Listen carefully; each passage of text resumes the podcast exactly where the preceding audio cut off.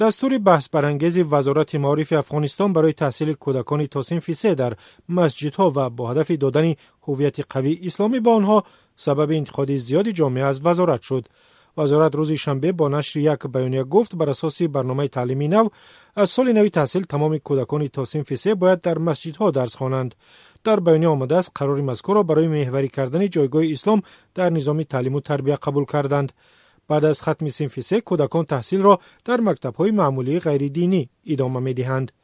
وزارت معارف افغانستان همچنین گفته است بر اساس قرار وزارت دایره صلاحیت های اداره تعلیمات اسلامی گسترده تر می شود و از این پس ریاست تعلیمات عمومی و ریاست مدارس و حفظ قرآن تابع اداره تعلیمات اسلامی خواهند بود نجیبه اوریان سخنگوی وزارت روز ششم دکبر بر رادیو آزادی گفت این قرار تنها در منطقه های اجرا می شود که مکتب ندارند یا مکتب هایشان دور از دهه هستند و برای خردسالان رفتن به آن ما متاسفانه در قریه و قصبات دوردست با کمبود مکتب مواجه هستیم و اطفال خردسال ما نمی‌تونن که فواصل راه را از یک قریه به قریه دیگه طی کنن بنابراین ما در هر قریه از مساجدی که اونجا هستن من حیث محیط آموزشی استفاده می‌کنیم و نصاب تعلیمی وزارت معارف را در اونجا تطبیق می‌کنیم تا بتانیم که به تمامی دانش آموزا خدمات تعلیمی بهتری را ارائه بکنیم.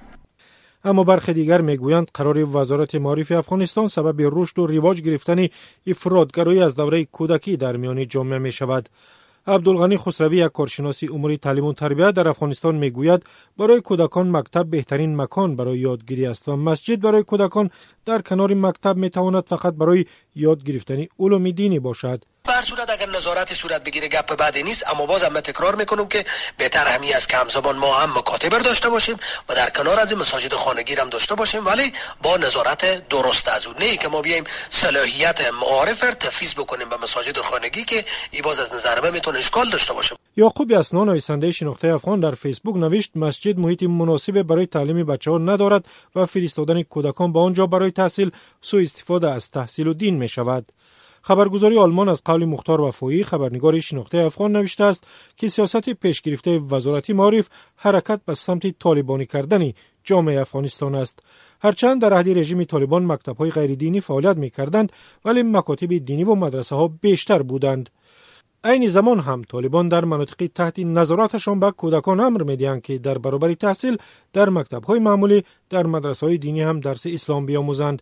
аз назари дур мондани кӯдакон аз таҳсил афғонистон дар ҷаҳон яке аз мақомҳои аввалро мегирад. Бар асоси гузориши созмони милали муттаҳид таxминан 3 миллион 700 ҳазор кӯдаки афғон ба сабаби ҷангу фақр ва урфу одатҳои иртиҷоӣ ба мактаб намераванд ва 60 дарсади онҳоро духтарон ташкил медиҳанд.